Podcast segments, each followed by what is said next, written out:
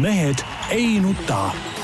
selle eest, et mehed ei nutaks, kannab hoolt Unibet, mängijatelt mängijatele. tere kõigile, kes meid vaatavad ja kuulavad ükstapuha mis ajal ja ükstapuha mis vidinatest, Mehed ei nuta taas kord eetris. Tarmo Paju Delfist. tervist. Peep Pahv Delfist ja Eesti Päevalehest. tervist. Jaan Martinson Delfist, Eesti Päevalehest ja igalt poolt mujalt. Peep pidi siin esinema äh, sõnavõtuga plaanilise. mul lihtsalt tuli äh, täna hommikul istusin toimetuse koosolekul ja kui Tarmo seal ähm, ütleme äh, laulis kerget nutulaulu, kuidas see e-valimissüsteem, ma saan aru, ta on ajast ja arust, eks ole, või sa ei olnud no nagu- kas süsteem võib-olla seestpoolt ei ole ajast ja arust, aga see, see- mismoodi, see, noh, mismoodi see nagu kasutaja teekond seal käib, see, see on muidugi, mulle, mulle meenus tõesti aasta tuhat üheksasada üheksakümmend kaks, võin eksida aastanumbriga pluss-miinus. äh, ühe aasta ette või tahapoole, millal meie Aruküla põhikooli matemaatikaõpetaja ja klassijuhataja äh, õpetaja Heinloo viis meid pedasse arvutiklassi, ta oli sihuke arvutimees ka, kandis mingit algset laptop'i kaasas kogu aeg ja siis me mängisime seal mingit tennisemängu ja ja jõle äge oli kõik, et see äh, noh, juba see need ID-kaardi ja mobiili-ID logod, mis olid siuksed säbrulised seal, kui sa mingi mingisugust rakenduse alla laadisid seal. Noh, see juba meenutas natukene seda pilti, mis äh, kusagil siis kolmkümmend aastat tagasi peaaegu arvutites avanes. aga ma tahtsin, ma mõtlesin selle jutu peale. No ma tean, kuhu sina muidugi tahad viia see on väga hea, ma tahtsin öelda, see on väga hea et, et see, et see olekski, võikski olla niisugune võimalik nagu vanaaegne ja seda ei peakski arendama või seda ei peakski mitte mingil juhul arendama, sest et eh, sellel ei ole nagu mingit mõtet. et hoidkem ikkagi elujõus seda õiget traditsiooni, valimispäev, pühapäev, lähete oma eh, kohalikku rahvamajja, vallamajja ma ei tea, kus veel külakeskusesse, koolimajja, kuhu on see valimisjaoskond pandud, lähete sinna seal. Needsamad tädid, kes on kõik viimased nelikümmend aastat seal laua taga istunud, istuvad, tervitavad sind ilusti. kuigi nad sind kõik tunnevad, sa võtad ikkagi välja oma selle passi, passi kusjuures, läheb passiga, mitte ID-kaardiga. ja siis näitad seal, siis saad selle, pannakse see aukudega joonlaud, kuigi räägitakse seda vist see aasta enam ei ole, see joonlaud. Paned allkirjas, lähed kabiini, tõmbad kardinad ilusti ette seal mõtiskled veel natuke, siis teed oma linnukese, lähed, lased selle kasti. et noh, et see sihuke nagu, et kuna valimine on ikka tähtis asi. valimine on väga tähtis, oota Jaan, rahu valimine on väga tähtis asi, eks ole, väga tähtis toiming, see ei ole sihuke, sihuke pliuh-pläu, et siin, et siin samal ajal chatin äh, Messengeris äh, kellega ja siis teise käega äh, teen oma valiku ei ole, sa pead ikka minema võtad selleks aja, paned ilusti korralikud riided selga pühapäeva hommikul, jalutad siis sinna äh, rahvamajja, seal teed asjad ära, näed seal tuttavaid inimesi, vestled nendega. no ütleme, sihuke pidulik päev on nagu ja siis õhtu ootad, Lipsu ootad tulemusi.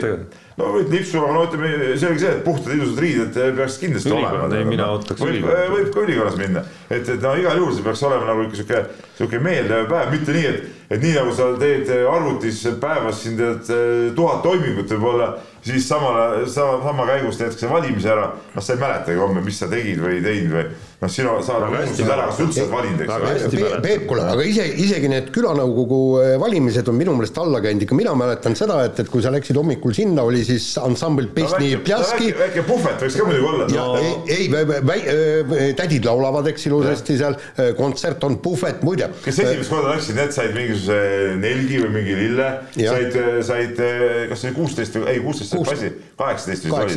siis esimest korda said väikse, väikse lillekese, lilleõie. ja, ja, ja, ja näiteks seal pidulik värk nagu tead, noh. ja, ja seal oli, seal oli, mis oli veel eriti hea, oli see, et, et omal ajal hakati ju mm, joovastavaid jooke müüma kella üheteistkümnest nõukaajal, eks, aga, aga seal juba sai õlut ja, lasta. ja seal head ja paremat oli puhvetis. just, ja puhvetis oli head ja paremat ja põhimõtteliselt apelsine sai osta ja viinereid sai osta. et tegelikult siin olid õhupallid, olid linnikesed. jah, ja, ja, ja kõ- kõ- kõik oli nagu noh, ütleme tõesti pidupäev, aga see nüüd on jah, täpselt, noh, see peaks olema pidupäev, mitte nii, et, et sa teed töö ajal selle, selle ära või, või okei okay, tegid kodus okei okay, vahet, okei okay, tegid kodus, aga noh, see oli ikka see, sa ei saanud ju mitte mingit emotsionaalset. kuidas ei saanud, väga hästi, mul oli hetk eh, eh, nii-öelda sobiv hetk eh, hingata sisse, vaadata iseendasse ja, ja olla lõpuni veendunud, et see kandidaat, kellele ma ammu tegelikult olen ole otsustanud, et ma oma hääle annan koduvallas, et ma annangi sellele ja andsingi. see, see, see ei ole see noh, ütleme minema peab ikka valimine, see on kord äh, siin ütleme, okei okay,, meil on kahed valimised, no võib öelda, et kord paari aasta tagant on siis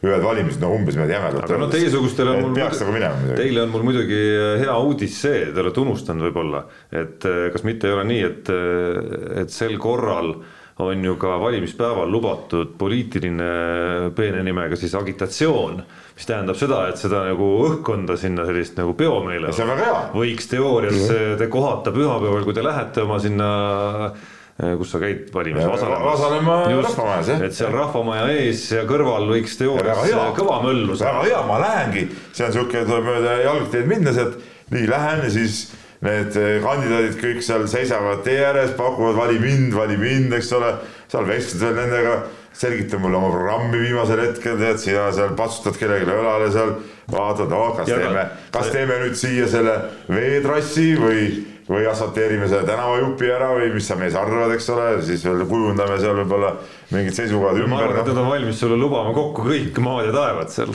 No ei tea, ei tea, ei noh. et sa tuled nagu notariaalse, notari kõrvale. vaata erinevalt Riigikogu valimistest, kus need eh, mingid mehed lubavad ja siis kaovad nagu Toompeal ära, sa ei näe neid mitte kunagi enam, eks ole siis kohalik valimistus on see, et sa valid naabri Antsu ja kui ta lubab sul midagi muud, siis sa lähed, lähed ja võtad rinnust kinni, et kuule mees, et, et mis sa endast mõtled, hakka tegema, et kui siis ka ei tee, on ju, siis noh, järgmine hommik mees istub autos, kumbid tühjad autol näiteks, noh, kõiki asju võib hakata juhtuma, sellega seal, selles suhtes seal kohalikel valimistel sa nagu lollitada ei saa niimoodi, noh.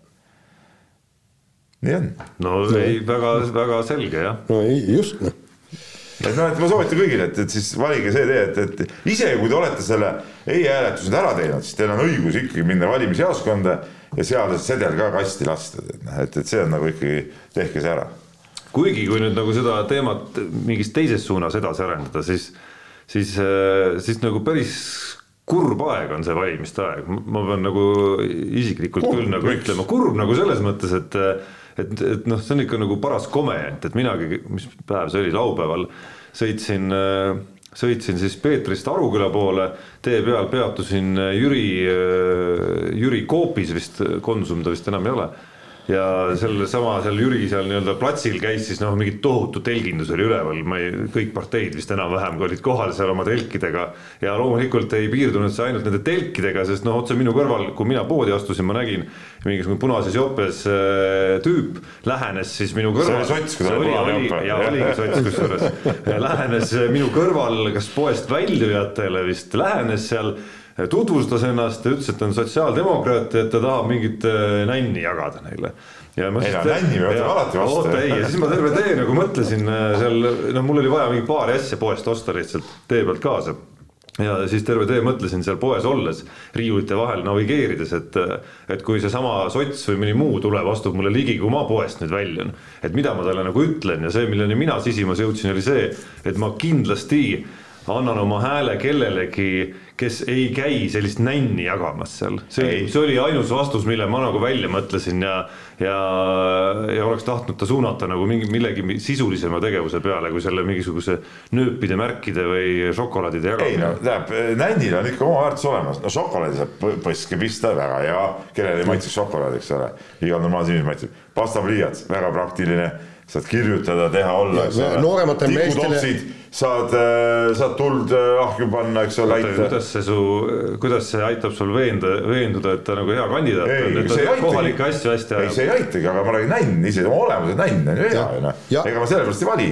ja aga, noorematel meestel preservatiivid, noh jumala eest ole, oleks ise noor, siis käiks viis korda. kenad noored naiskandidaadid annavad vahest oma pildiga kaardikese, siis mõni üksik vanamees saab võib-olla õhtuti vaadata, oi kena tüdruk, eks ole, mul pilt ka siin tead, paneb sinna selle pildiraami sisse, tead noh, miks ka mitte tead noh no aga nüüd tulles selle kurbuse juurde tagasi, täiesti mõttetu asi, millega nad tegelevad seal. ei, miks nagu no,? peab tegema. jagavad sulle nänni. ei no kampaaniat peab ju tegema. selle mõte on? no aga sa muidu ei tea, kelle poolt hääletada ju. miks ei tea, väga hästi no, tean. väga hästi tean olles süvenenud sellesse, kes need inimesed on, tundes mõnda neist. kas sa ise töötad, kas sa töötasid kõik oma valla nimekirja inimesed läbi? kõiki ei töötanud Nii. läbi, kas no, sa töötasid või?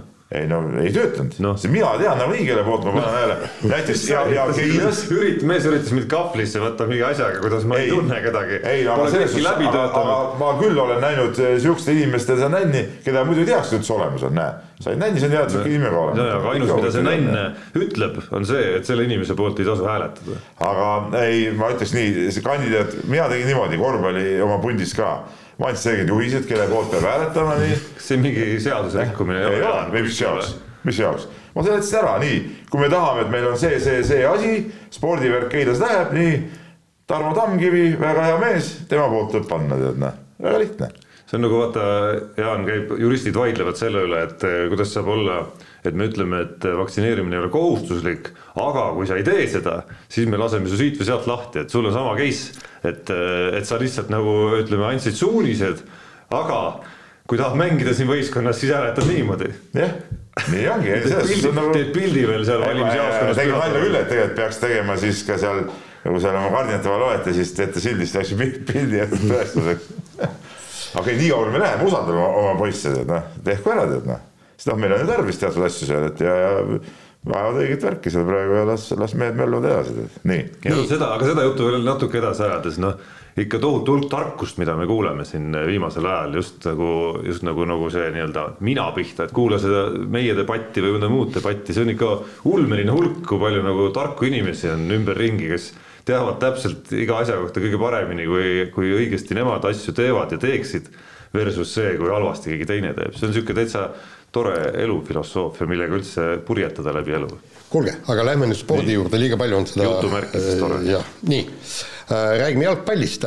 Eesti jalgpallikoondis äh, tegi Valgevene tuule alla, tõsi küll, Valgevene ei olnud oma parimas rivistuses, peatreenerit ka polnud, ega meie ka ei olnud jah, aga noh, neil oli üldiselt seda, et keegi tõttu- parimas rivistus juhtub üldse väga harva muidugi. jah, nii, aga ke- kenasti kaks-null tehti tuul alla, kuigi noh, jah, seal küsimärk oli, aga, aga nüüd eile?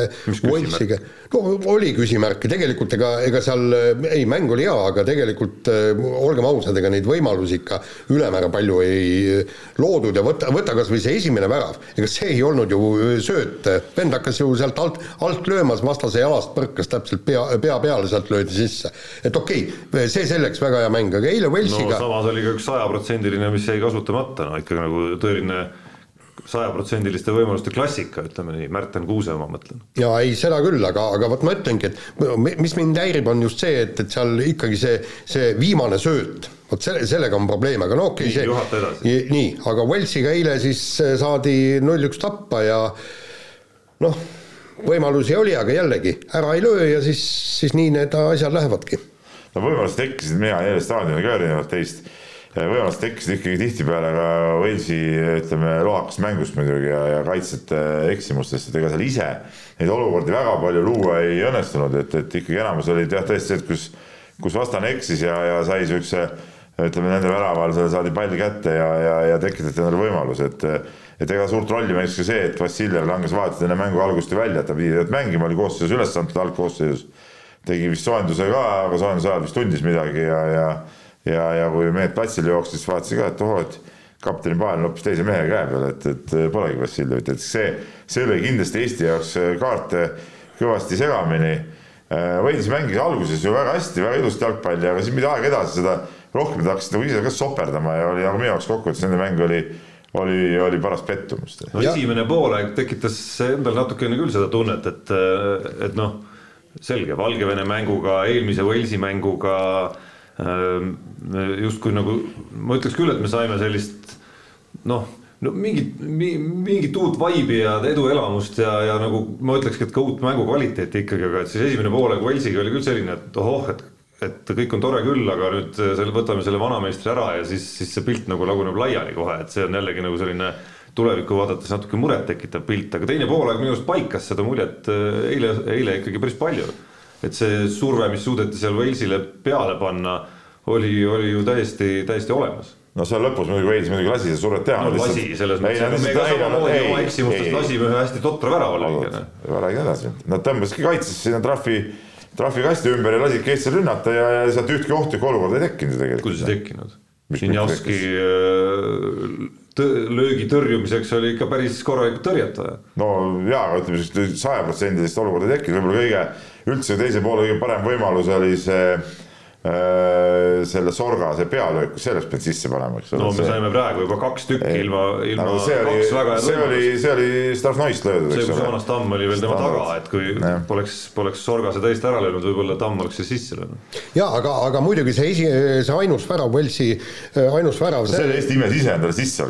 absoluutselt ja tegelikult vot seal ongi see, äh, ütleme, see noore mehe probleem, see väravaht oleks ju, tal oli ju palju sisuliselt käes, kui, kui tema käte vahelt see pall, pall pall ära löödi, seal ta oleks pidanud kommunikeerima punkt üks võimsamalt või siis teine asi, lihtsalt kas või omale, oma mehele lihtsalt jalgadega selga hüppama, põlvedega selga, kao eest ära, ma võtan selle palli. Ja olekski kõik äh, küsimus lahendatud olnud. See oli, jube, see oli jube kaootiline olukord. ma väravahti juba süüdistas, kui pigem just neid äh, väljakumängijaid seal ta, Hein jõudis isegi seal mingi veel tõrje teha selle asja, selle olukorra sees, aga küll aga need äh, meie kaitsjad ja mehed, kes seal väravas olid, seal ikka puterdasid ja soperdasid seal nii palju, kui, kui üldse soperdada oli võimalik. kui seal meetri kaugusel väravast äh, on selline hulk vendi ja läbi rikošettide ja ma ei tea, mis kaose, siis, siis seal nagu. lõpuks see pall veeres ju ka võta, võta, võta selle joone. et see põhiviga nagu seletasid ka Zelinski ja Lemsalu stuudios algas ikkagi kuskil, kuskil varem ja täiesti süsteemselt juba seal meeste aset, asetsemises selles olukorras. ja, ja, ja muidugi, mis veel häiris, oli ju see Valgevene mänguga, me saame neliteist nurgalööki ja, ja, ja sealt ei ole sisuliselt noh, üks siia-sinna pealöök oli, mis, mis põrkas vastu vastast ma ei tea, kas te mäletate üheksakümnendate alguses, kui Kristal neid nurgalööke andis, siis, siis tõesti ju räägiti, et nurgalöök on, Eesti nurgalöök on ohtlikum kui penalt, sellepärast et seal, seal löödi mõned penallid mööda. ja nimetame asja Ugla Ugla, jah, corner yeah., Ugla. nii, aga, aga, aga to, toonased vennad oleks sellest neljateistkümnest vähemalt neli-viis ära löönud jube ootamatult kriitiliseks see jutt siin läheb, kohe esimesed viis minutit jalgpallikoondis tegi täitsa toreda mängu. ei no kuule, halloo, halloo, Tarmo no., see, see hõiskamine, mis nüüd selle ütleme, ütleme olematu koosseisuga Valgevene võidu järel nagu tuli, et, et sihuke mulje nagu oleks maailmameistrist tulnud juba. et kohe on MM-ile minek. kohe MM-ile minek, see kõik jutud, tulge nüüd ikka mõistusele lood, et noh. ei no ma ei räägi mingist hõiskamisest. teisest küljest me kaotasime ise ka Valgevenele pooliku koosseisu, kui ma tuletan meelde. jaa, no aga see ongi meiesugune võistkond, no ükskord sõidavad nemad, teinekord meie, no mis seal siis nii väga on, eks ole. ja, ja te, teine asi, ma saan aru, kui tõesti mängitakse teinekord ideaalne mäng, vaata noh, võtame, mis oli eelmine Walesi mäng, kui, kui Heina tuligi tõesti kiita, ta ei teinud ühtegi viga ega mitte mingi, midagi, eks. või, või, või siis, kui Eesti. Hein tegi ka eile muidugi paar väga head tõrjet. jaa, ei, ta teeb väga häid tõrjeid ja, ja, ja seal ei olegi tema kohta suurt kriitikat, noh, seal oli tõesti, minu meelest oli kommunikatsiooni küsimus, aga kui me neljateistkümnest nurgalöögist ei suuda suuda isegi ühtegi niisugust väga head olukorda, kus, kus vastaste väravaht peab tõesti pingutama, et see värav ära päästa. no, no see on ju jama, noh no see paralleel, mis minul nagu mõttes tekkis nüüd ütleme viimase kolme mänguga tegelikult, pannes see Walesi viigimäng ka sinna juurde, on see ja kui me teame, et Wales on ikkagi selline sats, keda me näeme ka finaalturniiridel mängimas, et, et kui me näeme vähemalt nüüd oleme näinud sellisel tasemel võistkonna vastu välja ikkagi noh, ütleme siis eh, niimoodi väga lihtsakoeliselt väljendades, võistkond, keda ei ole nagu üldse piinlik vaadata sellisel tasemel satsi vastu, siis on ikkagi mingi samm edasi nagu toimunud jaa, aga samm on edasi toimunud vahepeal, küll. vahepeal sa ikkagi nagu sellist pilti sa ei näinud, et et sa, sa, võid öelda küll, et Wales hakkas hoidma seal lõpus ja ja lasi Eestile, aga noh, nagu sa tead, siis need asjad on alati nagu omavahel sõltuvuses. no aga Wales ei mänginud üldse väga keskendunud seda mängu. ei no okei okay,, ma saan aru, Walesil oli seal, jaa, Walesil oli seal justkui nagu mingi sõprusmängu nooti natukene sees, on ju. et ega me täpselt ei tea, kui hingega ja kuidas nad panid, aga noh, Walesi mehi nähes seal väljakul ja kehakeelt vaadates ei tundunud nad küll eriti ükskõiksed. ei, selge see, et nad kaotama ei tulnud, nendel oli ikkagi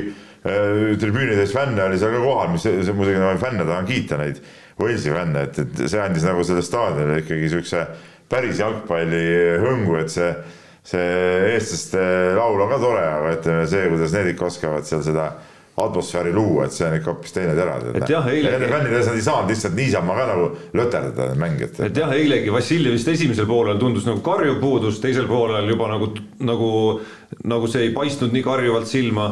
mu enda hirm oli neid, enne neid mänge ja seda tsüklit, et Rauno Sappineni puudumine saab olema nagu suhteliselt valus, aga esimeses mängus Anier ja mõlemas mängus Sorga olid ju nagu väga selgelt ohtlikud ikkagi. no ründas meil mehi nagu on praegu jah. just täpselt, et, et meil nagu on märke, mis, mis, mis nagu annavad nagu põhjust positiivselt nagu edasi mõelda vähemalt.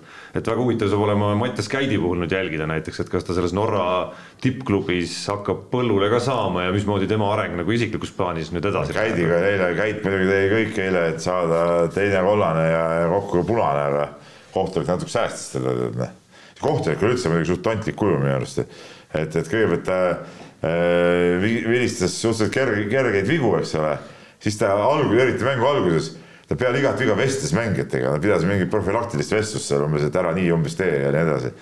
ja, ja, ja siis lõpuks hakkas jälle täitsa lambist mingeid kollaseid kaarte jagama mingis olukordades, kus no, lase meestel jalkat mängida, mis sa segad vahele oma asjadega, tead noh. et noh, sellest on nõme, tead noh. aga noh, see on, see on kohtunike haigus, vahele segamine, see on selge. nii vahetame teemat, läheme Epp Mäe ja maadluse maailmameistrivõistlustel võidetud hõbemedali juurde, mis siis täiendab tema Euroopa meistritiitlit. noh, võib-olla natukene annab palsamit ka olümpiamängude ebaõnnestumise kõrvale.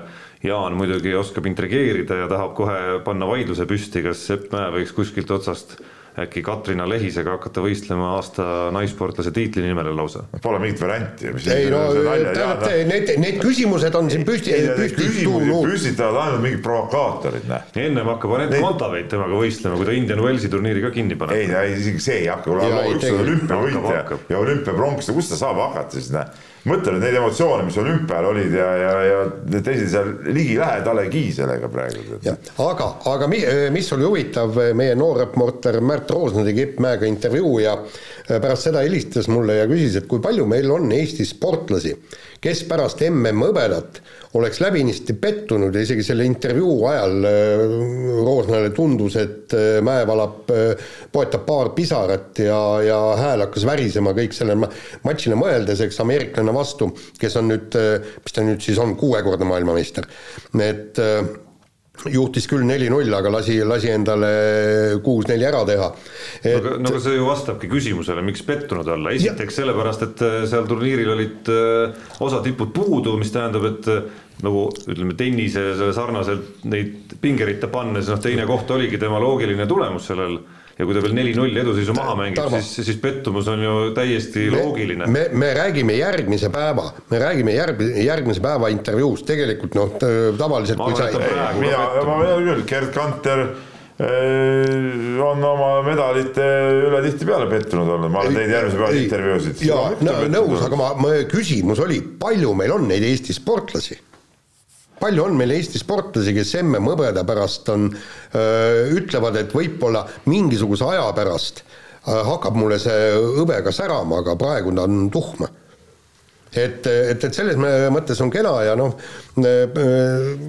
tegelikult see, siin noh, ütleme see MM-i koosseis ei olnud ju maailma kõige tugevam, aga tegelikult noh, nagu peatreener Ahto Raska ütles ju, või Epp Mäe treener, et tegelikult oli olümpial Mäe oli paremas vormis kui siin, aga, aga näed, seal ikkagi noh, läks asi käest ära, nüüd tase on selline, Euroopa meister, mm, mm teine, väidetavalt nagu mitmed tugevad lõpetavad maadlusega, noored ei kasva nii kiiresti peale ja Ahto Raska väide oli, et et me hakkab nüüd raskekaalu valitsema, vaatame Pariisini välja. mis sellest saanud on, sellest äh, naisest, kes äh, tohutult ebamugav tema jaoks olümpial oli?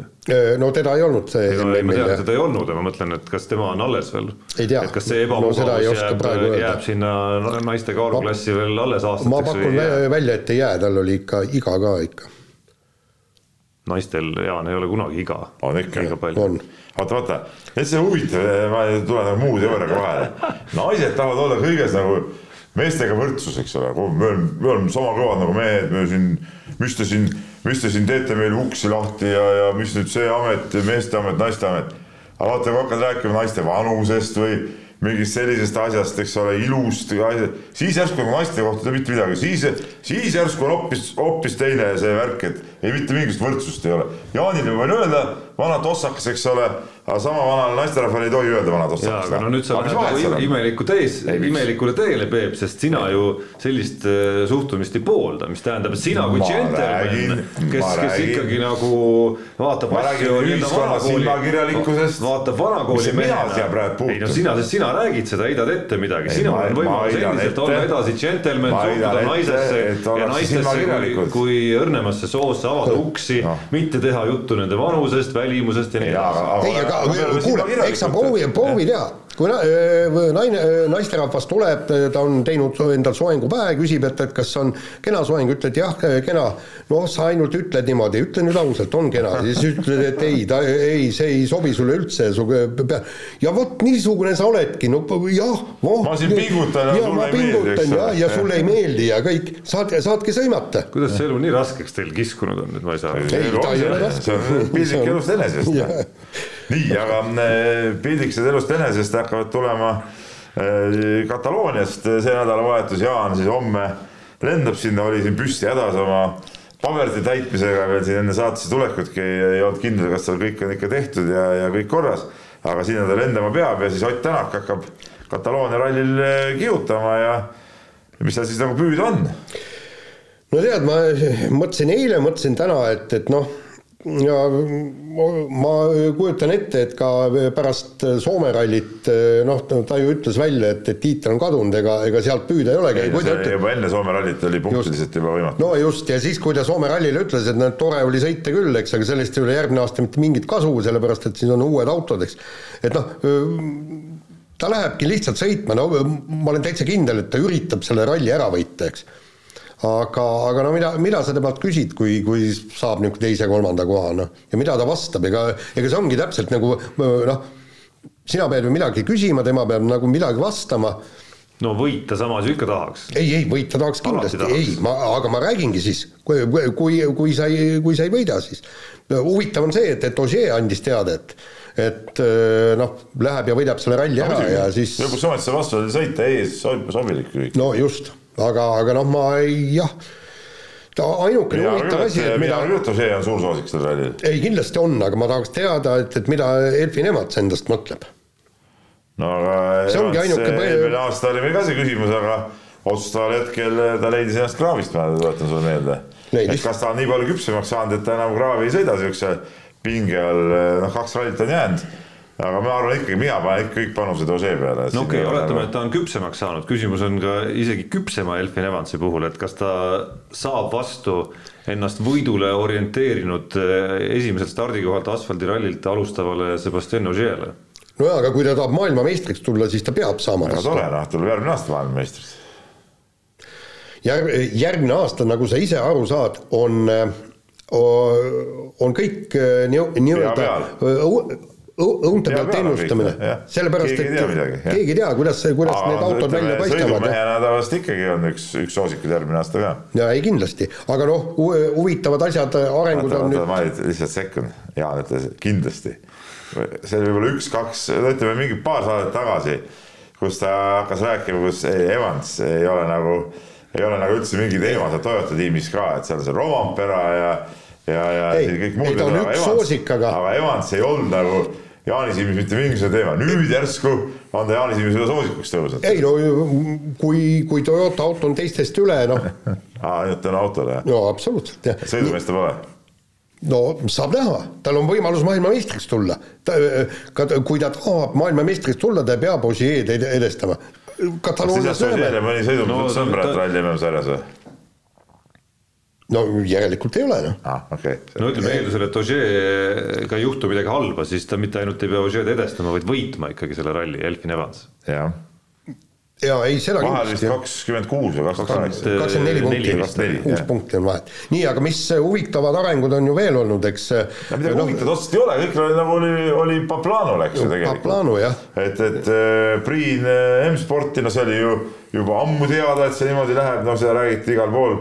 Et see on kõige suurema tõenäosusega see, et Lappi Toyotasse noh, tegi selle eksami Soomes ju väga hästi ära ja, ja Latval ütles kohe, et ta annab, esitab tema kandidatuuri Jaapanisse, mis oli ka suht kindel. võib-olla Oliver Solbergi Hyundai's ütleme päris äh, sõitjaks saamine, noh.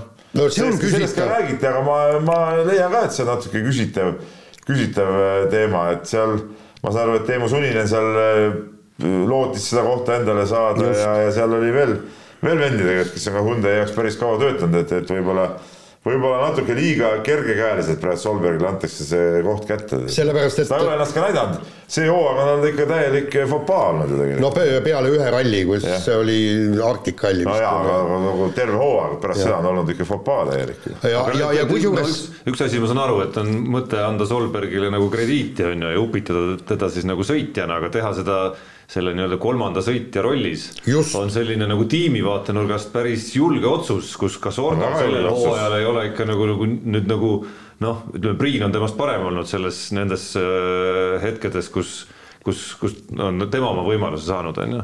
et siis see, siis see kolmanda sõitja positsioon on selline üsna nagu selline habras, ütleme Hyundai'l huvitav, kes kes need otsused teeb, sellepärast et tegelikult on ju praegu ikkagi, ma kujutan ette, Andrea Adamo pea, pea on pakul, sellepärast et tiitlit nüüd sel aastal ei tule, väidetavalt on siis küll mitte tema süül, aga, aga on Hyundai oma arengus uue auto arendamises teistest maha jäänud.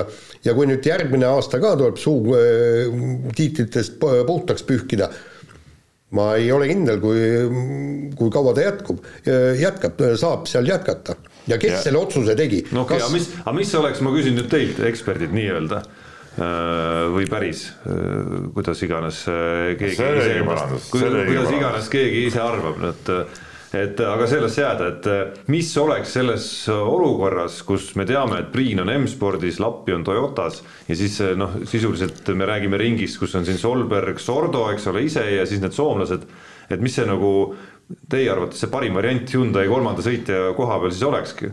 ei no mina oleks äh, tegelikult kas ma ütlen, esiteks, kas poolitada, teiseks, kas äh, kui mitte, siis ei, no see poolitamine, see on jälle taktika, et poolitada, ehk siis seal saab neid stardipositsioonidega mängida. aga, aga ma ütlen, et, et minu jaoks, minu, minu enda silmis oleks kõige õigem vahend oleks, äh, võimalus oleks see, Craig Greenile anda kolmas koht ja kõik kolme sõitjaga minna. ei, ma tean, aga ta, kuhu ta läks kui Hyundai oleks talle lepingupaberid pihku andnud, öelnud jah, saad sõita täie, täishooaja ja ma saad nihukese palga, palka ta ju eriti ei. sealt M-spordist ei saa no,. ja see oli see pikem, ei no see, ja, ja Hyundai oleks maksnud kindlasti rohkem, nii, nii.. aga oletame praeguses olukorras, mida sina, Jaan, välja pakud? täiskoht jaa, muidugi. täiskoht ja no selles mõttes, et ei, Sordoga, Sordoga pooleks sunnine. miks mitte näiteks eh, Mikkelson tagasi tuua? No ka see on võimalik, aga kindlasti mitte Oliver Solberg. ei, sellega ma olen nõus. jah, sellepärast, et venna, sa paned vennale asjatud pinged kohe peale, sellepärast et sa pead nii-öelda punkte tooma, ehk siis sa pead kindlustama tagalat.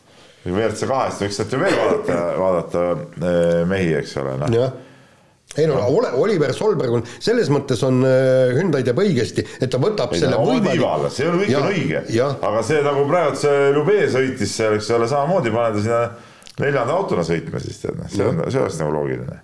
just, ja Solberg ja siis Lube jagavad neljandat autot. jah, see oleks nagu, see oleks nagu mõistlik variant. Vot nii. Ah,, lähme nüüd siis järgmise teema juurde, lähme siis korvpalli juurde. nagu ma vaatan siin, noh, olen mänge jälginud ja, ja, ja mõnda, mõnda telkarist ja, ja mõnda siis äh, lihtsalt äh, seisu jälginud, et äh, kuidagi ilusad napid kaotused, aga kus need võidud on, et, et mis on see põhjus, et me kõik mängud nii-öelda napilt ära väristame, meil ei ole ju ketukat ju sisuliselt olnud, ka ma mõtlen Petse Kalev Cramol. no see põhjus, miks me napilt kaotame, on see, et me mängime piisavalt hästi, et mitte suurelt kaotada saab niimoodi eriti lihtsakoeliselt ka vastata, on ju, nagu siis, kui ütleme, kui keegi üldse ei taha pärast mängu rääkida ja küsitakse, miks te kaotasite, ütleb, et näe, vastased viskasid rohkem äh, punkte või lõid rohkem väravaid lihtsalt. et aga ma ei tea, minu tunne on küll see, et see, et sellistes oludes, nagu siin praegu nüüd on kujunenud, nii see graafik, nii need äh, vigastused, mis seal juures on, ikkagi jääb seda rammu puudu lihtsalt, et, et noh, meeskond mängib selle ütleme selle potentsiaali kohta ja selle koosseisu kohta, mis tal on, minu arust täiesti okei okay korvpalli, aga, aga see käib natuke üle jõu praegu. see olukord, kus, kus siin on juba puudujad juures.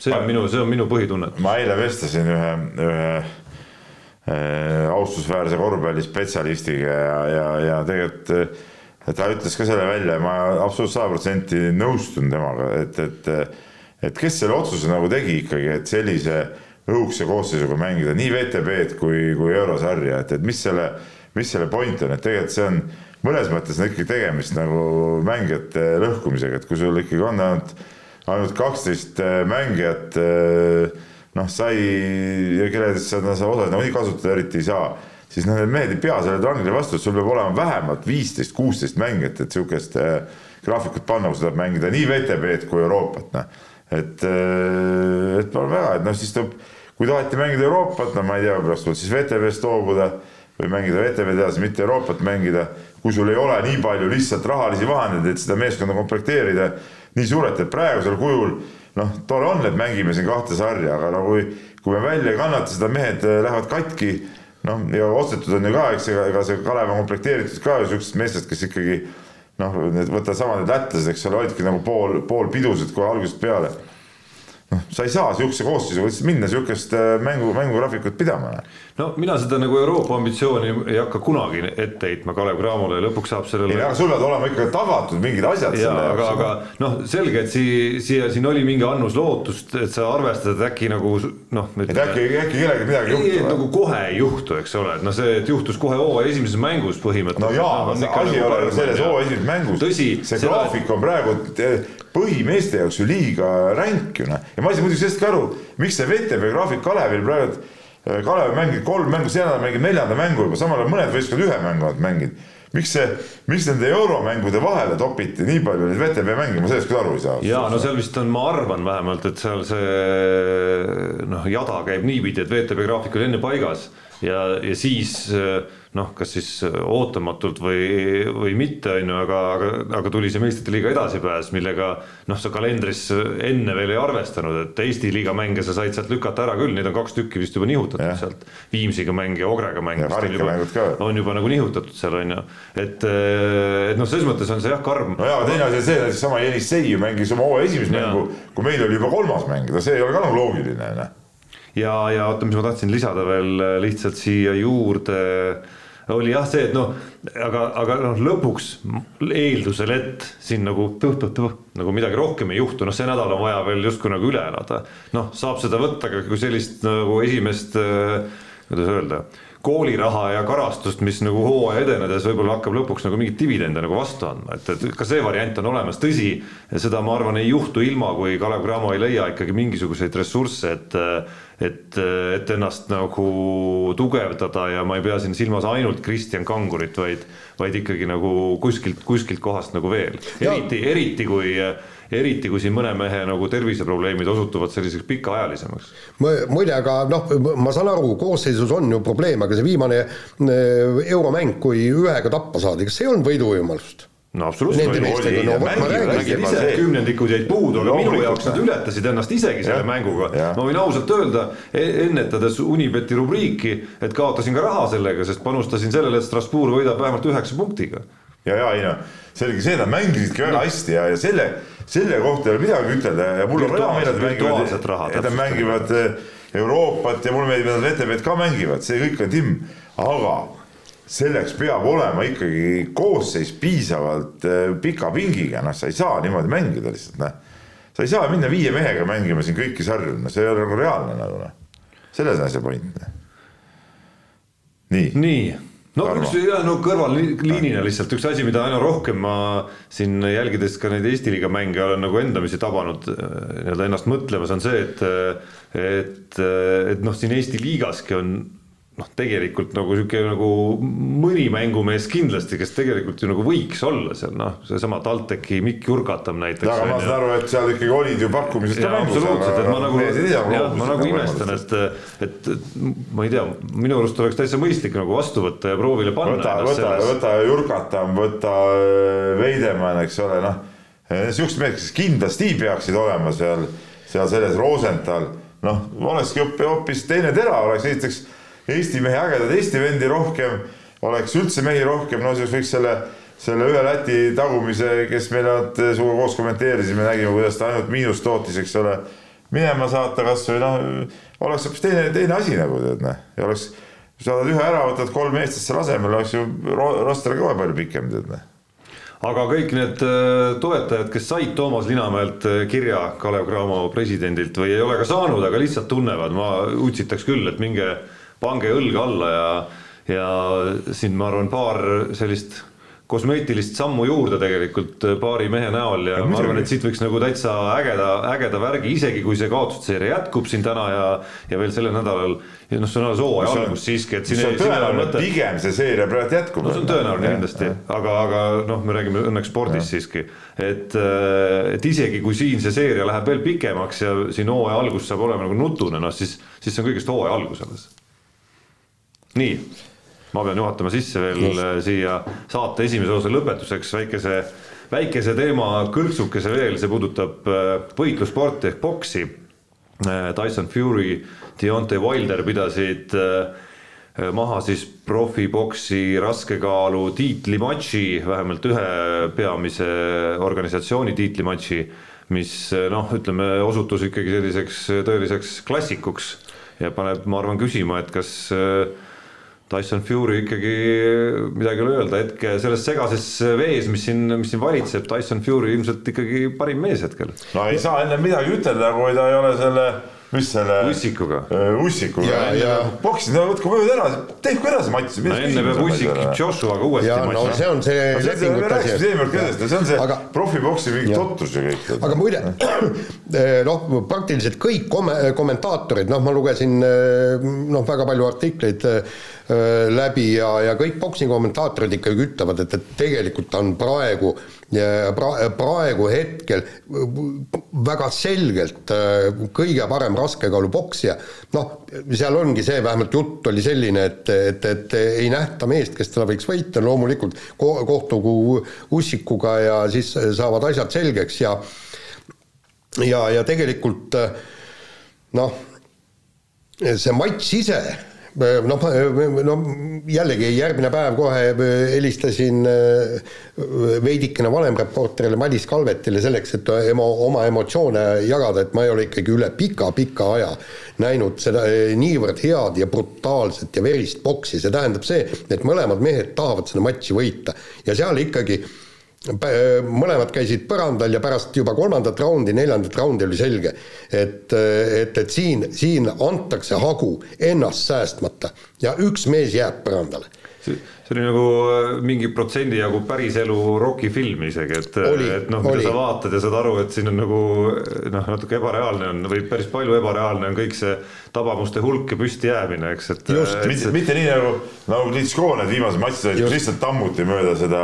ja, ja, ja, ja kogu, nagu ja, ja siis, just täpselt. Ja, ja, ja seal oli ikkagi see, et, et noh, no kui sa vaatad, ma, ma vaatasin muide Vene kanalit, Vene, Vene, seal olid oma poksijad, üks poksija, kes, kes rääkis, ütles niimoodi, et tema ei saa aru, et äh, kuidas see Wilder üldse seal ütleme, kaheksas-üheksas raund püsti püsib, et pilk on hägune, tuigub, saab sisse kõik kuidagi ja siis teeb oma lööke nii inst-, instinktiivselt. ja seal üheteistkümnes raund, kui see asi ära lõppes, siis ütles, et nüüd mees enam ei püsi jalgadel või püsib ainult tänu nööridele ja, ja siis Fury'le, et, et äh, kaks toetuspunkti on, eks, kui need ära võttes kukuks pikali ja sealt oligi, ja seal oli, kirjades oli ka siis, äh, ma nimetasin seda sajandi matšiks ja siis kirjades oli, keegi oli väga pahane ja äh, tõi sealt Tysonid ja kõike, jah, eelmine sajand oli Tyson ja kusjuures muide, mis oli väga, väga huvitav, mille ütles Wilder ka välja, et mille pärast see matš oli hea. ütles, et hea matši jaoks ja hea tango tantsimise jaoks on vaja kahte tantsijat. ja, ja, ja täpselt sama, muidugi, Tysonil oli häid matše, aga, aga see ei ole hea matš, kui ta esimeses, teises, kolmandas raundis lihtsalt peksab selle vastase põrandale. see ei ole hea matš, hea matš on see, kui on kaks võrdset vastast. mõlemad käivad põrandalt läbi. just, täpselt. nii, aga laseme nüüd kõlli.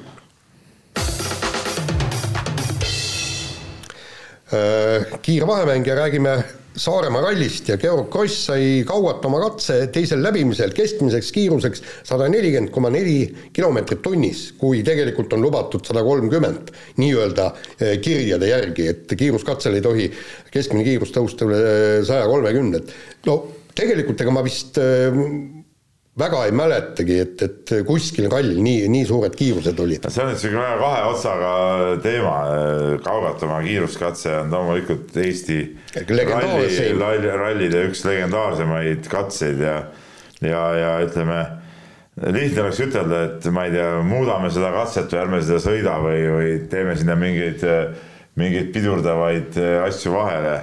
samas see oleks nagu pühaduse rüvetamine nagu, et, et noh see on nagu eluaeg olnud see katse, noh, seda sa ei saa nagu.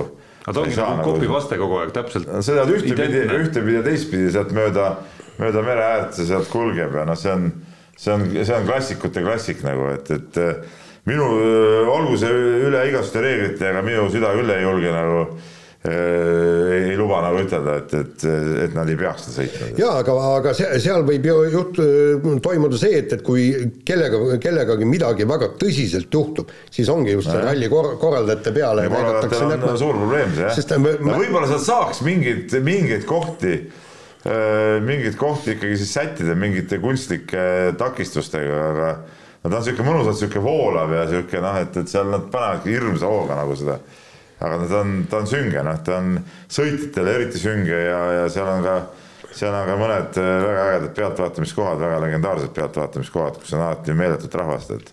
on ta nagu, ma küsin nüüd äh, jälle ralli ekspertidelt nii-öelda ja päris ekspertidelt. Peep on et, siin rohkem ekspert kui mina, sest ma et olen. kas see nagu on see küsimus on ainult selles numbris või, või ta on nagu päriselt ka kisub ohtlikuks? ei no see number ise kisubki ohtlikuks, see on ka selge. Noh, et... ei no seal on ka vahe, kas sa kihutad, ütleme siis kui keskmine on sada nelikümmend, siis ma eeldan, et see kiirus seal vahepeal läheneb kahesajale. ei no, iga, iga kiiruskatsel läheneb vahepeal sinna. no et, et seda on päris palju neid kiireid lõike on ju, et kas need on seal kuskil lageda peal või need on metsa vahel, on ka päris suur vahe. seal on palju lagedat ka muidugi, neid legendaarseid kohti lageda peal ka, et, et, et pigem, pigem seal on jah, ütleme neid kohti Äh, lagedaid kohti on seal lõpu, ütleme seal, mis juba jäävad sinna nagu mere poole, et, et seal on nagu päris palju muidugi, aga eks ta ohtlik on ikka, noh. ja kuule, Peep, mis sa nüüd arvad, see, see sõitis ju Georg Kross ja vana WRC-ga.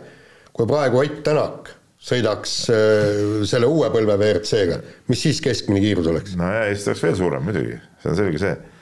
aga noh, ma ütlen veel kord, et noh, tegemist on ikka ülilegendaarsega, et, et, et seal on nagu raske, raske on sinna kallale minna nagu kellelgi aga no selge see, et me lõputult ei saa seda kiirust nagu niimoodi üle lasta, noh. nii on.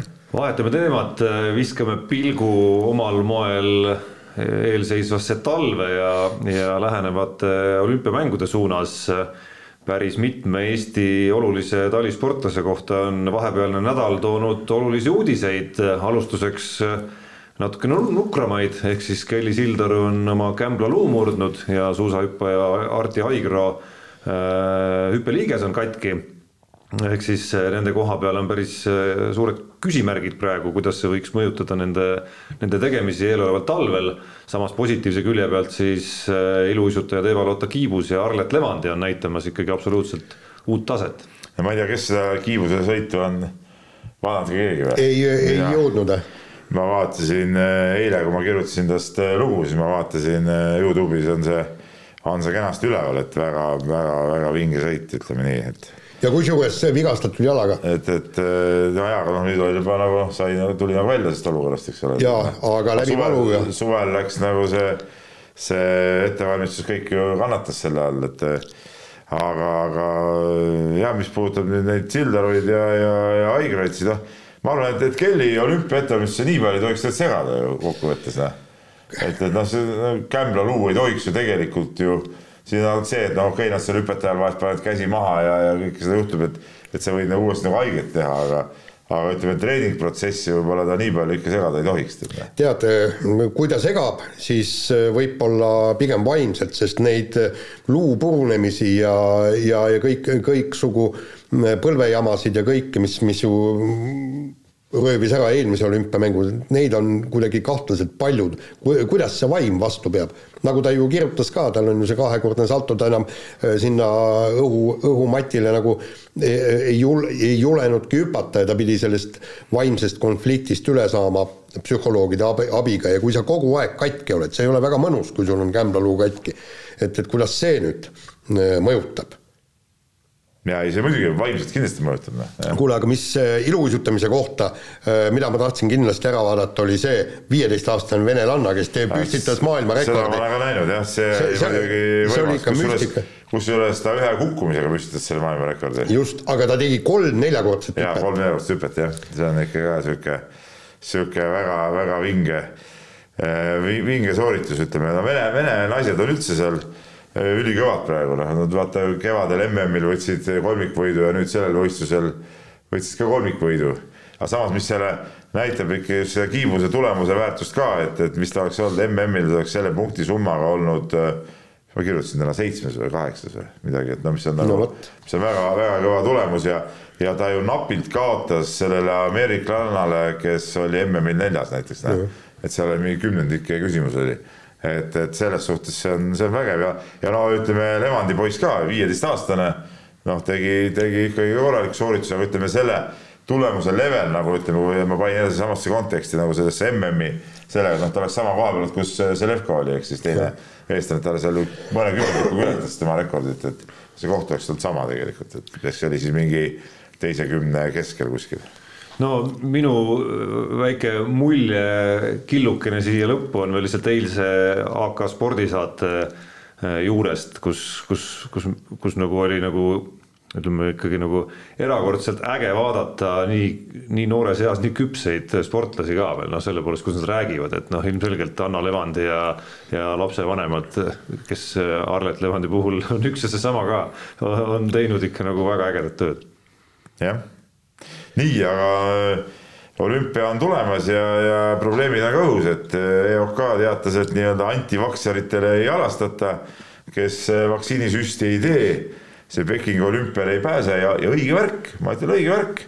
et nii nagu me täna hommikul ka toimetuse koosolekul rääkisime, mina tuleks üldse nagu karmimat, karmimate meetmetega välja nende mitte, mitte vaktsineerida tahtjate vastu, et, et äh, kui ütleme nende pärast siin tekivad jälle mingid probleemid, äh, riik hakkab lukku panema, siis, äh, siis tuleks ise lukku panna ja ma isegi ütlesin, et et meil oli siin elektri hinnast oli jutt, ma ütlesin, et väga hea, mul tuli väga hea meetod tuli.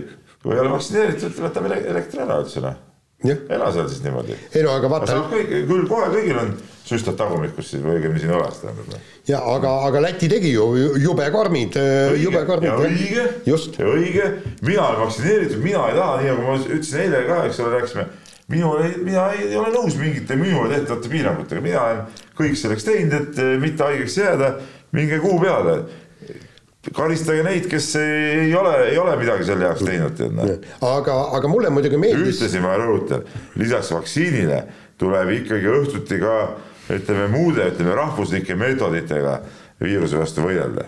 No, ütleme kolmandaks sinna juurde mitte ainult õhtuti võidelda, vaid üleüldse ka nagu tervislikult elu elada. ei, seda küll, seda küll, aga ma ütlen, et lihtsalt ütleme, vot see kombo, see on nagu kokteil, äh, vaktsiini ja rahvameetodite kokteil, noh. just. küüslaugud neljakümnekraadised. Aga mis seda EOK teemat ja olümpiat yeah. konkreetselt puudutab siin noh, siin ei ole küsimus ainult sellises nagu karmis kohtlemises, vaid selles, et, et ega nagu logistiliselt äh, ja, ja olümpiamängude reegleid vaadates noh, ei ole sisuliselt yeah. noh, võimalik vist on mingite, ma ei tea, mis X state pidi, aga, aga noh, see ei ole yeah. nagu see, see, see, see, see on üle mõistuse, üle mõistuse keeruline oleks, oleks seda erandit üldse tegema. Aga, aga muide, ma täiesti tervitan neid äh, Pekingi olümpiakorraldajaid, sellepärast et nad annavad vabalt valida, nad ei sunni inimest vaktsineerima. Kui te ei ole vaktsineeritud, siis tulete meil siia, me määrame teile koha, linna, hotelli ja te istute kakskümmend üks päeva hotellitoas ja pärast seda palun saate starti ja, ja, ja põhjusi ongi, mikspärast see EOK, EOK äh, ei, ei lase neid äh, vaktsineerimata sportlasi sinna. kakskümmend üks päeva hotellitoas istunud sportlane ei ole võimeline sel tasemel võit-, võistlema, nagu tippspordijuht äh, ei, see, seda ütles äh, olümpiaarst äh, Mihkel Mardna, et äh, ta pole võitlusvõimeline ja põhimõtteliselt rahvaspordiüritustel võib ka Eestis osaleda. nii, aga võtame järgmise teema ja Toomas Hendrik Ilves, meie kunagine president, äh, puskas president siiski on igavesti president. no tema ei ole On, no. puskas sotsiaalmeedias, et mida Eesti jalgpall teeb ja kusjuures jalgpall on tugeva kõhiga et mi-, miks ta üldse mängib ja, ja vihapurse oli põhjustatud sellest, et, et ei lubatud staadionile seda äh, nii-öelda vana äh, Valgevene lippu. sa oled kirjutanud iidse lipuga, aga ma. ei, ta ei ole iidne. ta iidne, ma muidugi igaks juhuks vaatasin järgi, ta oli kasutusel jah tuhat üheksasada üheksakümmend üks kuni üheksakümmend viis. et, et kui see on nüüd iidne, siis me oleme Jaan sinuga ikka, ikka nagu päris iidsed vennad juba. isegi Tarmo on iidne mees juba selle selle aja peale. aga, aga noh, härra Ilvesele tuleks öelda, et, et õppigu kõigepealt eesti keel ära ja, ja siis räägime üldiselt edasi. ja, ja ma tahaks seda ka muidugi ütelda, et, et väga õige, et äh, FIFA, UEFA keelavad sellised aktsioonid ära sport ei ole mingi poliitika tegemise koht, unustage ära. sport on ikkagi nagu, äh, sport on sport, seal on võistkondadevaheline võitlus, meestevaheline võitlus, seal ei loe, oled sa Lukašenko mees, oled sa Putini mees või oled sa seal Obama mees või ma ei tea, jumal teab, kelle mees, eks ole. see ei tohi tulla sinna vahele segada. Vene. lihtsalt, lihtsalt äh, mõtteharjutuse mõttes, kas äh, näiteks kaheksakümne kaheksanda aasta, mis iganes, kummal olümpial, äh, kui mõni eestlane oleks sinimustvalget lehvitanud, oleks pidanud ikkagi ära keelama?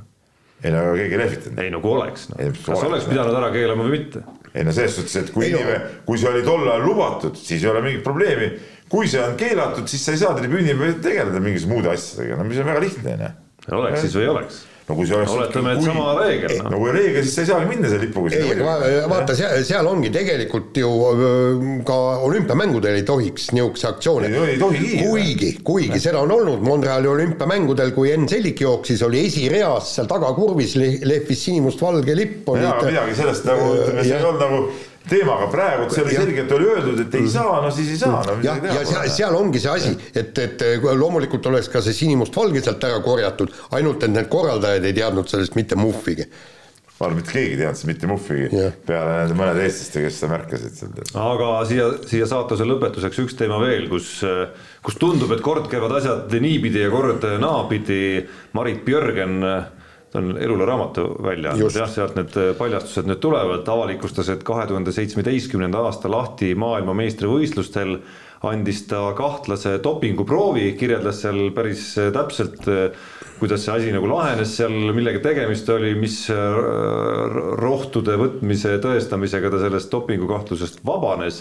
aga üks küsimus seda lugedes nagu tekkis ikkagi, et kuidas, kuidas on nii, et mingitel juhtudel sellised noh, ütleme siis halvad analüütilised leiud, eh, kahtlased olukorrad, mis eh, noh, ütleme selgitamisel võib-olla kaovad ära ja ongi pädev selgitus olema, et mingitel juhtudel need nagu saavad avalikuks ka ja mingitel juhtudel mis, mis mulle tundub, et kui kõik oli nii, nagu oli, noh, võib-olla ongi mõistlik, kui ei tulegi avalikuks sel hetkel. Eh, no igal juhul, nagu mina aru saan, siis Vada noh, hoiabki seda joont, et, et ei tuleks need asjad avalikuks, sellepärast et mäletad, tuli ju see kes see Norra meessuusataja, kes, kellel oli siis seda, keda karistati selle astmaravimi ülemäärase tarbimise tõttu, see ju tuli alles poolteist aastat hiljem välja. Kristina Smiguni juhtum tuli välja alles siis, kui ju mingisugune pisikene Venemaa uudisteagentuur pani ühe nupukese, et ühel Eesti suusatajal oli olnud Torino olümpiamängudel see halb analüütiline leid, mispeale siis hakati kõik kohe küsima, kas oli veerpõlemaa ja kõik nii ja, ja, ja, ja poleks Venemaal või keegi, kui keegi poleks seda märganud, ütleme niimoodi, et, et praegu on internet, sealt ikka leiad midagi. aga poleks filtri, keegi ei teakski midagi. korralikult lekib see süsteem ikkagi seal no ja, aga, aga miks see võiks olla, mina leian, et see võiks avalikkus küll tulla, miks ka mitte. miks ka mitte jah, muidugi. mis siis see on siis? No kui see. vaata, vaata, kui ta ei tule avalikuks, siis tekivadki võimalused äh, igasugused kahtlusteks, et saab susserdada, vusserdada. kui see on avalik äh, teave, selline asi oli, okei okay,, no see ei ole veel, keegi ei ole süüdi selles, kui see on avalik äh, info. mitte nii nagu ütleme Eestis siin, et kui mõne inimese kohta on algatatud kriminaalasi, siis juba öeldakse, et ongi pätt. no jaa, vot see, siia ma tahtsingi jõuda no., Peep, sinu jutuga. aga seda ei ole, ei miks, miks? sest, sest sa leiad sest sa leiad väga kindlalt, et see ei peaks nii olema ehk siis järelikult ma leian, ma leian, et, et ajakirjandus ei peaks tõlgendama, et inimesi pätiks. kelle vastu on kriminaalasi algatatud, no kas sa tegelikult usud, et see, et see ka nii juhtuks? no et noh, ma usun, et Björgen antud juhul ja, ja, ja veel paljud noh, tegelikult ikkagi isegi kui kõik osutub pärast äh, jumala nagu selliseks nagu adekvaatseks kogu see selgitus ja, ja, ja, ja teadlased ja kes iganes suudavad selle kõik nagu leppida selle seletusega ja, ja, ja see kahtlus kaob siis nagu nii-öelda laualt ära noh, siis tegelikult see kahju on päris kõvasti ju sündinud teisest küljest, et no ma tahan öelda, et reeglid justkui ütlevad, et, et need asjad peakski nagu kinni jääma, aga praktikas see lekib ikka nagu äh, igast otsast kogu see süsteem. tekib, ükski asi ei jää kinni, see on ju teada olgu ta venelaste kaudu, norralaste kaudu, eestlaste kaudu samamoodi ja, ja nii edasi. seal ei ole mingit vahet tegelikult. nii, aga laseme kõlli Unibetis saab tasuta vaadata aastas enam kui viiekümne tuhande mängu otseülekannet. seda isegi mobiilis ja tahvelarvutis. Unibet, mängijatelt mängijatele uh,. ma ei teagi, mulle, mulle tuleb meelde kusjuures, et täna Tartu Tallinna Ülikoolil on selline loengusari nagu Treeni teadlikult ja täna selles sarjas on äh, loeng, mis natukene võib-olla jääb spordiinimestele isegi natukene võib-olla ühest küljest nagu kaugemaks, tõsi, seal räägitakse spordist ka, aga peakõneleja, mälutreener Tauri Tallermaa ja Peep saab nüüd aru, kuhu ma selle jutuga, jutuga jõuda tahan. et jutt puudutab meie Unibeti ennustusmängu Peebu Äh, järjekindlat äh, unustamist. Äh. ei kusjuures ma nagu Tarmole ütlesin ka enne saate algust, et, et veel eile päeval ma mõtlesin nii, täna õhtul veel jalgpallid, ma panen kohe päris mitu panust sinna, et, et teen nagu kõva spordina. ja loomulikult, kui õhtul mäng oli läbi, istusin autosse, hakkas taasiselt ära sõitma, siis tuli meelde, et ai et vist enam ei jõua no ja nagu alati ilmselt tagantjärele on ka see tarkus, et oleks jõudnud ja oleks meeles olnud, siis oleks arve nullis juba ei tea, ei ma kindlasti Eesti peale poleks pannud. no oleks Walesi peale pannud. oleks mingi rivi teinud, kus Wales oleks võib-olla sees olnud. no nii, Jaan, kuidas sul läinud on? no kuule, ma aega enam ei ole palju, et, et ma siis äh, proovisin. kas Ameerika jalgpall on juba kuskil vaikselt jaa, ei ta mängib, aga praegu oli alles viies voor, et siin ei ole veel päris selge, kuidas, kuidas need võistkonnad on, sellepärast. mis mõttes viies voor, ikka pole selge? ei, ei no siit, siit ikka näeb. Neid voore on ju mingi kolmteist kokku. kas hunt on jätkuvalt kaitstud või? Äh, ei tea, täna selgub, kas kaitstakse ka kolmas nädal ära. kas sa võid lõputult teda kaitsta niimoodi? no põhimõtteliselt küll, jah. aga kui ta on kaitse all, siis saab raha äh, selle eest ka peab maksma talle või? no mingid kesised kakskümmend neli tuhat äh, dollarit nädalas. kaitse all, siis ei pea maksma või? ei, ikka peab, ikka peab. no siin, mis, mis see hundi kasu on sellest, et ta kaitse all on siis? no ju ta loodab platsile saada. nii, jätka. ta on üks mäng parim mees ja siis vaja ei ole. jah et, et põhimõtteliselt jah, et te, testisin ja no põhimõtteliselt sada viiskümmend eurot oli, kui hakkasin pihta ja nüüd on üle kahesaja, nii et viiskümmend no, eurot võita. kusjuures ma olin ikka täielik idioot seal, no mängus, no ma vaatan otseülekannast mänge ja siis no nii selge, tähendab see viigiseis oli mikskipärast palli valdaval, ei, vastasmeeskonnal öö, oli see, kes ei vallanud palli, sellel selle koefitsient oli äh, kaks koma neli ja mängida oli kuskil kuus minutit ja, ja tead, noh, nagu tundus selgelt see kahe koma neljaga võidab selle mängu, eks. aga ma noh, kümme eurot panin sinna, tegelikult oleks sinna peale, loomulikult võitis, tähendab, seis oligi just täpselt niisugune, et, et, et, et ta võidab või siis äärmisel juhul on viik ja läheb asi lisaajale. tähendab, justkui nagu kaotada ei olnud võimalik, et no okei okay, li, lisaajaga vaatame seal aga nii läks aga noh, tegin teisi panuseid ka ja nüüd jah, nüüd on kakssada pluss. ja siin tuleb ikka nagu, ei teagi, mida teha mingi salarelv tuleb siit hooaja lõpus, aasta lõpus jälle välja. ei, ei no aga kuulge, ärge nüüd mõelge. lõpetasid ja mitu kuud aega veel mängida. jaa, aga ärge olge selles nii kindlad, et on mulle, et noh, noh, joppab lihtsalt. no ei tea, ei tea, ei tea, siin on ikkagi, peab selle päris sõna ikka varsti ära võtma siin NFL-iga seoses vähemalt kui muudes osades jääb see, tähendab, vabandust, nii-öelda eksperdi nii-öelda osa peab nagu ära võtma võib-olla. aga no okei okay., ma juba rääkisin oma, oma siis sellest kogemusest Kalev Cramo ja Strasbourgi mängu puhul. saldo on kolmesaja viiekümne peal. ehk siis olen tulnud neljasaja pealt alla päris omajagu siin eh, korvpallidega uue nädala Unibeti mehed ei nuta eripanus puudutab tennist ja Anett Kontaveiti ehk siis äh, tema järgmine mäng äh, Indian Wellsis, ma nüüd muidugi äh, võtsin selle õige koha eest ära, kus ma näen selle vastase nime, kelleks oli siis Maia Haddad Beatrice, selline tennisist. Ja selles mängus on muidugi Anett Kontaveit ülivõimas soosik, nii et see eripanus on üks koma üheksakümmend sellele, et Anett võidab selle mängu settidega kaks-null nii ja lähme kirjade juurde. kirju jälle omajagu ja hakkame Raigo kirjast pihta, ma vaatasin, perekonnanime järgi sihuke, sihuke mees oli vanasti üks Saaremaa, Saaremaa korvpallurid ja ma võib-olla on sama mees siis, aga kes kirjutab nii. Äh, kirjutan esimest korda, aga saateid vaatan juba vist sada pluss aastat, väga kõva. kena värk teil see asi, jätkake veel sada aastat vähemalt, nagu Jaan vastu peab, siis me jätkame nii, minu küsimus puudutab jalgpalli, tihti mänge vaadates jääb silma, et emotsionaalseid väravaid lüües viskavad mängijad peale väravat särgi seljas, tähistavad sedasi ja lasevad nii-öelda emotsiooni välja. lust vaadata tihtipeale selliseid reaktsioone ja seda emotsiooni me spordist ootamegi, aga alati tekib mul küsimus, miks kohtunikud neid särgi äravõtmisi ikkagi kollase kaardiga karistavad. saan aru, et reeglitega keelatud, aga äkki peaks mõne reegli üle vaatama. vahel võib selline emotsionaalne kaart saada hiljem saatuslikuks minu arust see on ka täielik totrus. totrus, täielik totrus, mis sellest on, kui ma särgi ära võtan, noh? ei, ma olen nõus, minu arust täitsa jabur. et no see on rohkem emotsiooni ja action'it, kedagi see, kellelegi, kellelegi see mingisugust äh, haiget ei tee, kedagi ei riiva. Üldiselt äh, tegemist on heas vormis inimestega ka veel, kes, kellel on, äh, kes on ütleme atraktiivsed, siis niimoodi. Ei, ei tohiks kellegi silma häirida kuskilt otsast, lasku käia aga kui teil, teil muidugi saa aru, et miks see särgi äravõtmine alati nii oluline on, et noh, et, et noh, see on. ei no näidata oma six-pack'i jah. aa, ei no mõtlesin, et no emotsiooni, noh, seal saab, noh, seal vanasti ikka hüpati ja kõvasti seal tehti asju. no nüüd ka hüpatakse, aga no ei, see särk ka, ei mulle ka meeldib tegelikult, kui emotsiooni on ja minu arust emotsionaalsust ei tohiks kunagi karistada, see on, see on samasugune debiilsus, ma rõhutan sõna debiilsus on korvpallis, kui ütleme, mõnikord seal pink kargab püsti või teeb seal mingit häält ja siis pink saab tehnilisena, halloo, nagu see ongi ju, see ongi see emotsioon, mille pärast me seda mängu mängime ju noh. mis, mis, mis lolli mängite kohtunikud ja kuule, aga järgmisena hakatakse äkki publikut karistama.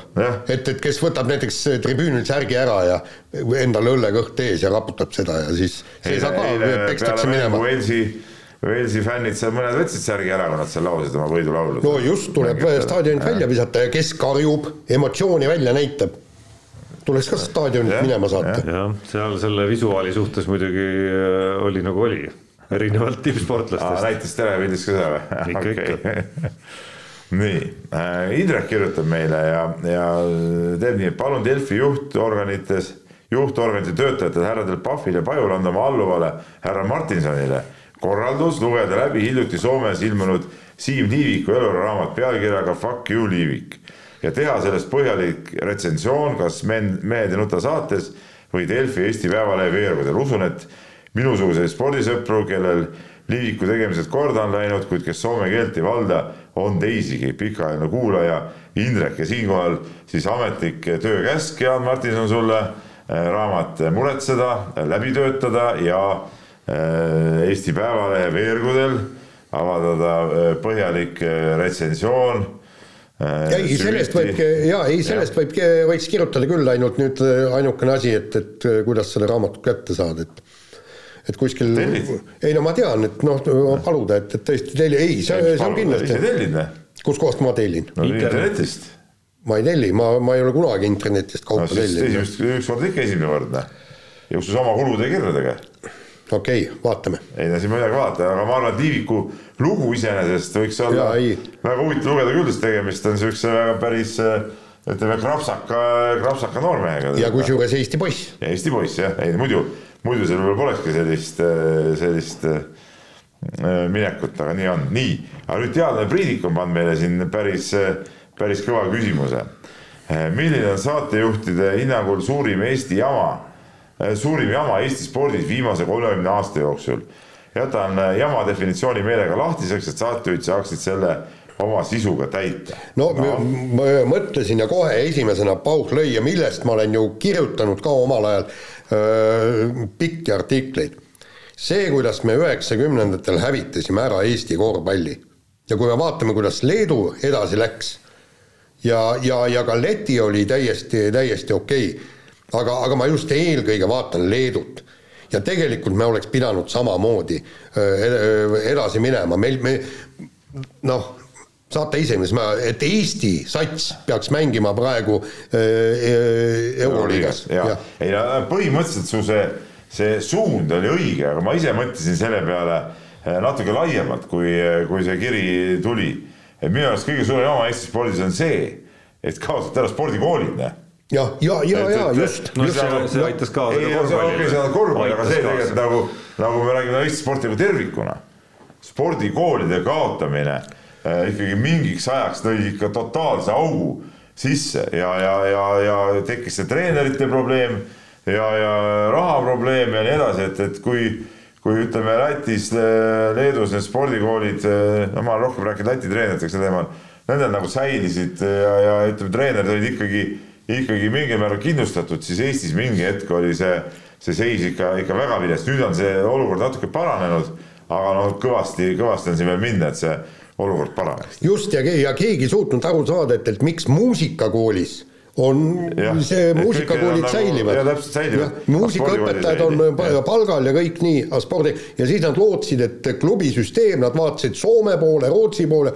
loomulikult seal on ju palju rikkamad riigid ja loomulikult seal see klubisüsteem. seal väga palju tehakse vabatahtlikku tööd ja, ja. kokku sa tahad nagu tipptasemel asja saada, siis sa ainult vabatahtliku tööga ikkagi kuhugi, kuhugi ei jõua tegelikult. Noh. jah, noh, kui korvpallijutt kitsamalt tagasi minnes, siis noh, oleks saanud seda leevendada, kui ma ei tea, korvpalliliit ja, ja eriti tugevamad klubid oleksid rohkem tähelepanu pööranud sellele noh, ütleme siis mitte ainult sellele, kuidas saavutada paremaid tulemusi eh, tablool mängu lõpus, vaid noh, kuidas ikkagi nagu ütleme siis no, noori mängijaid, keda oli ka ikkagi ja tuli ju peale ka nendes, nendes põlvkondades, seal oli ju neid, kes isegi said eh, pääsesid omavanuste noorte Euroopa meistrivõistlustel, pääsesid ju nii-öelda nagu noh, ütleme tänapäeva mõistes finaalturniiril lausa seal Tanel Teini aastakäik näiteks oli seal, kust, kas, kui ma õigesti mäletan, siis peale Teini lõpuks ühtegi nagu Eesti koondise tasemel korvpallurit nagu ei tulnudki lõpuks.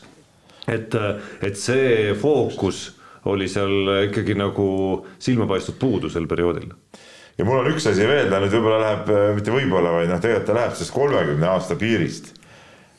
või ei lähe ka tegelikult Äh, on, mis mul nagu on hinge peal olnud ja, ja mis nagu hävitati Eesti võib-olla sihuke nagu see ringrajasõit ära, see, et seda, seda Muuga ringrada Just. ikkagi ehitatud, et see nagu, äh, selles olid kõik võimalused olemas, seda oleks saanud veel, veel äh, liidu rahadega, jah, ta natuke läheb kolmekümne aasta piirist välja, aga ikka ma toon sisse, et ta läheb, oleks saanud veel liidu rahadega selle ära teha seal kaheksakümnendate lõpupoole. no see ringrada oleks olnud ülihädavajalik, et ega meil pikka aega ju enne kui Audrusse lõpuks siis äh, seal äh, kõvad mehed võtsid kätte ja tegid, tegid selle projekti ära. meil ei olnud ju mitte kuskil nagu normaalset kinnist ringrada, et noh, see ja, ja, ja kui, kui kõva see ala meil oli ja, ja, ja mis sest nagu saanud on, on, see on nagu, see on nagu, see on nagu varemed ainult. et see oli nagu väga-väga halb tegu tegelikult. Noh. just. nii, ma ei tea, kas jõuame kiiresti võtta ühe, ühe kirja veel, ma vaatan siin meie vana hea kirjasaatja Eno, ei, Tamm Tamm on selle saatnud ja, ja, ja saatis no, see oli tõsine analüüs. see on tõsine analüüs, aga, aga korraks võtaks selle ikkagi, muidu selle, läheme liiga kaugele sellest juba, et me siin eelmine saade rääkisime sellest eh, rahastamisest ja sellest, kuidas osad sportlased võeti siis EOK rahade pealt maha ja nii edasi. ja, ja siin kirjas on kirjas, et ega EOK rahakott ei ole ka lõpmatu, et praegused komisjon, praegune komisjon jagas EOK eelarve suurusega eh, X eurot ja nüüd oletame, et Jaani ettepanek saaks teoks ja ajakirjanikud oleks ka komisjonis, nagu sa ütlesid, et näiteks äh, Jaan, Peep ja Tarmo, äh, et siis siit tuleb küsimus selleks, et määrata raha Mart Seimile ja mees Vehklate tuleks kellelgi raha ära võtta. ei saa olla nii, et EOK eelarve on lõpmatu, ei saa olla ainult nii, et määrake rohkem toetusi. selleks, et määrata täiendavat toetust, tuleks kellelgi toetus ära võtta. kellelt võtaksite praeguse toetussaajate nimekirjast antud eelarve X eurot juures raha ära, et see määrata Seimile ja meesvehklejatele. No, no ütleme niimoodi, et, et mul, mul ei ole seda nimekirja ees, aga Tamm Tamm oli eeltöö ka veel ära teinud, mina, ma ei jah. ütle neid nimesid, sest ma ei tea, kas kas noh, ütleme, kas põhjus oli selles, et nii-öelda rahaline limiit jõudis ette või või põhjus oli lihtsalt selles, et leiti, et ei ole vaja et, et, et seal on nagu vahe, nad ei ole öelnud ametlikult välja, et asi oli selles, et nii-öelda meil see raha nii-öelda nagu rohkem ei olnud võimalik nagu anda, on ju. aga noh, kui, kui oli niimoodi, siis ma usun, et kes vaatab sellele nimekirjale otsa näeb siin kindlasti sportlasi, kellel noh, kasvõi Mart Seimiga võrreldavat potentsiaali eh, nii täna kui ka tulevikus kunagi ei ole tiitlivõistlustel medaleid võita. Ja, nojah, selge see, et see Seimi, Seimi asi on nagu, nagu eriti, eriti julm, aga aga noh, ei no siin on nimesid küll, aga no ma, ma ei taha kellegagi ka liiga teha, öelda nüüd see, et võtame ära siit näiteks, aga aga, aga ega siin mõnel sportlasel ka siin mingeid, mingeid tulemusi väga tegelikult ei ole ja, ja ei hakkagi kunagi olema sellisel tasemel. küll aga ma tahan rõhutada seda, et on olemas ju see meie kuulus Team Estonia, millest nii palju räägitud. kuule, hakkame nüüd seda eelarvet suurendama, et me saaks ikkagi seda raha juurde, ma, ma olen nõus, et lõputult me ei saa eelarvet eh, või neid sportlasi juurde võtta ja neid tippe rohkem ja rohkem maksta, aga ütleme, mingisugused, eh, mingi hulk sportlasi, kes nagu seda vääriksid, peaksid seal olema ikkagi kaetud ja, ja selleks peaks see see palju räägitud ja viimasel ajal kuidagi nagu vaikuses tegutsev Team Estonia endale ikkagi nagu märksa suurema hoo sisse saama. kas ei olnud jutt, et see Team Estonia eelarve on mingi kuus miljonit ja selle juures tähendab, kui me räägime tuhande eurosest. tuhandest eurost, siis see ei olegi nagu mingi raha. kaksteist tuhat aastas on ju ja, ja, ja, ja viiele inimesele, no vabandage väga, kuuskümmend tuhat, noh ei ole ju teab mis suurus. nii, aga sellega kuulutame saate lõppenuks ja kuulake, vaadake meid järgmine nädal mehed ei nuta. Saate tõi sinuni Unibet, mängijatelt mängijatele